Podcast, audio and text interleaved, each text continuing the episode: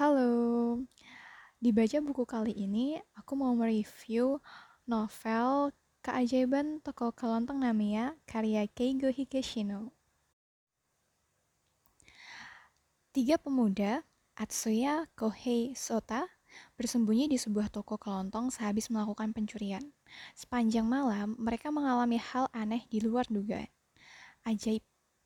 Berawal dari sepucuk surat yang mereka terima, berasal dari masa lalu, dan dalam surat itu berisi permintaan saran. Hmm, aneh sekali ya.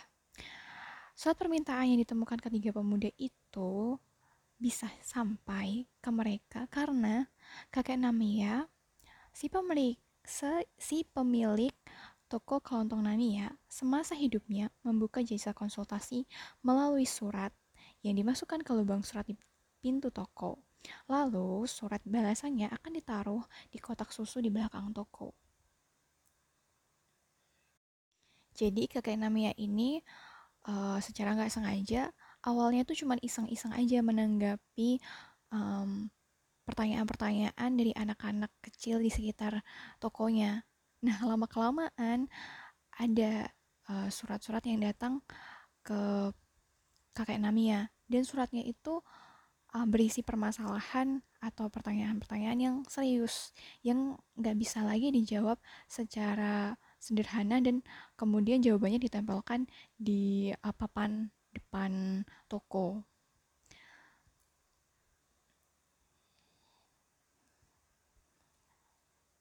Tiga pemuda ini, si Atsuya, Kohei, sama Shota, berdebat panjang gitu. Mereka tuh harus menjawab surat yang datang, eh, uh, surat yang nyasar itu, atau udah dibiarin aja. Kalau si Atsuya sih lebih memilih untuk um, usah lah dibalas suratnya gak ada gunanya juga. Ini mesti dari orang yang iseng padahal sebenarnya nggak ada yang iseng sama sekali. Terus kalau Kohei Kohei itu yang paling semangat yang paling excited banget ketika menemukan surat itu dan dia udah langsung oke okay, aku mau balas surat ini gitu. Dan Shota Shota itu ada di ada di pihaknya Kohei. Jadi dia tuh mendukung Kohei. Dia mau nulis apa uh, mau membawa seperti apa. Nah Shota itu mendukung. Uh, meskipun awalnya juga menentang si Atsuya ini tapi lama-lama um, Atsuya juga ikut membalas surat yang datang. Jadi mereka tuh nggak cuma menerima satu surat tapi mereka menerima ada tiga surat magic banget kan. Sepanjang kamu baca novel ini atau kamu akan diajak untuk menyelami kehidupan uh, tokoh masing-masing tokoh yang um, ada di novel ini. Dari kakek Namiya sendiri terus kamu diajak untuk uh, memasuki kepetualangan antar dimensi antar waktu uh, yang dialami Shota, Kohei, dan Atsuya terus juga gimana keluarga atau anaknya kakek Namiya itu menanggapi kebiasaan si bapak yang serius sekali ketika ada surat surat-surat yang berdatangan ke beliau. Pokoknya kita diajak merenung, memikirkan uh, tentang kehidupan karena sebenarnya uh, surat-surat yang berdatangan itu berisikan apa ya pertanyaan untuk untuk merujuk ke keputusan hidup yang akan diambil si penulis surat.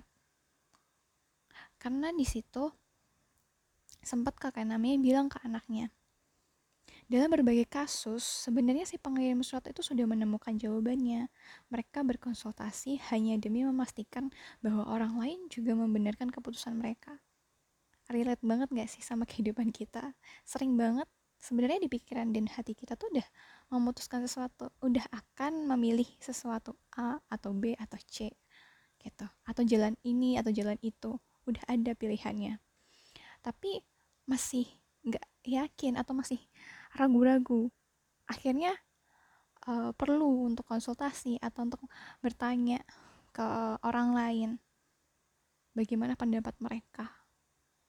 Dan itu semua untuk meyakinkan diri gitu. Untuk ya itu tadi mencari pembenaran atas pilihan yang sudah atau akan kita ambil.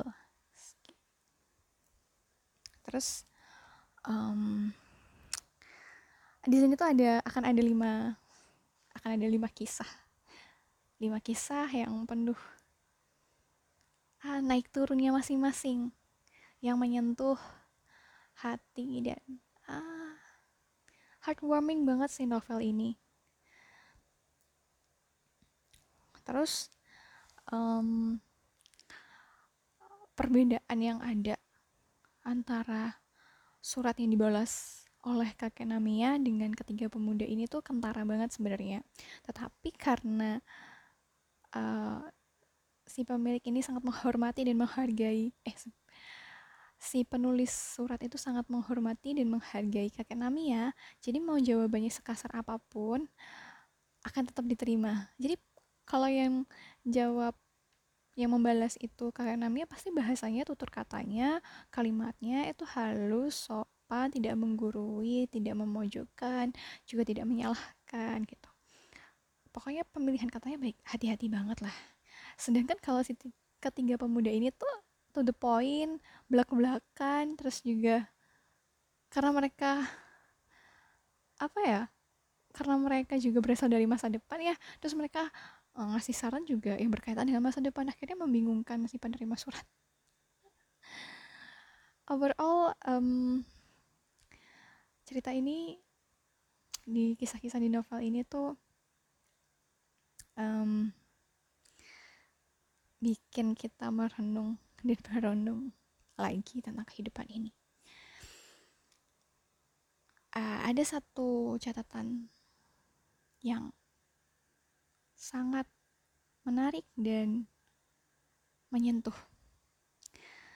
Ketika Atsuya iseng masukin surat kosong, uh, kertas kosong ke lubang surat di toko Namiya. Dia tuh mau ngetes apakah itu bakal nyampe ke masa lalu atau enggak gitu. Dan ternyata iya, itu nyampe di masa lalu ditemukan sama kakek Namia dan dibalas sama kakek Namia si Asuya kaget ketika lihat di kotak susu ada balasan surat dan itu ternyata balasan surat untuk dia atas kertas kosong yang dia kirim penggalannya ya salah satu penggalan dari uh, balasan kakek Namia itu adalah Cobalah untuk mengubah sudut pandang, karena peta Anda masih berupa kertas kosong. Anda jadi bebas menggambar apa saja. Semuanya terserah pada Anda. Anda bebas melakukan apa saja karena kesempatan terbentang luas di hadapan Anda. Bagi saya, ini adalah hal yang menakjubkan. Percaya, percayalah pada diri sendiri. Saya doakan semoga Anda bisa menjalani hidup dengan bebas tanpa penyesalan. Itu langsung ngebuat Atsuya ah, ter sentuh terus hmm, dia kayak penuh harapan lagi gitu kayak harapan dan semangat api semangat di dalam dirinya itu mulai berkilauan lagi mulai menyala lagi ya itu yang membangkitkan dia untuk berubah menjadi lebih baik dia dan teman-temannya pasti so kalian harus banget baca novel ini plus nonton filmnya karena ini sudah difilmkan uh, di Jepang tahun 2017 jadi kalau mau dapat gambaran visualisasinya silahkan cari filmnya. Ada dua versi versi Jepang sama versi uh, Taiwan eh, Chinese ding Chinese yang main kalau di Chinese itu ada Jackie Chan so kalau kalian penasaran baca novelnya baca filmnya Terima kasih sudah mendengarkan. Happy reading!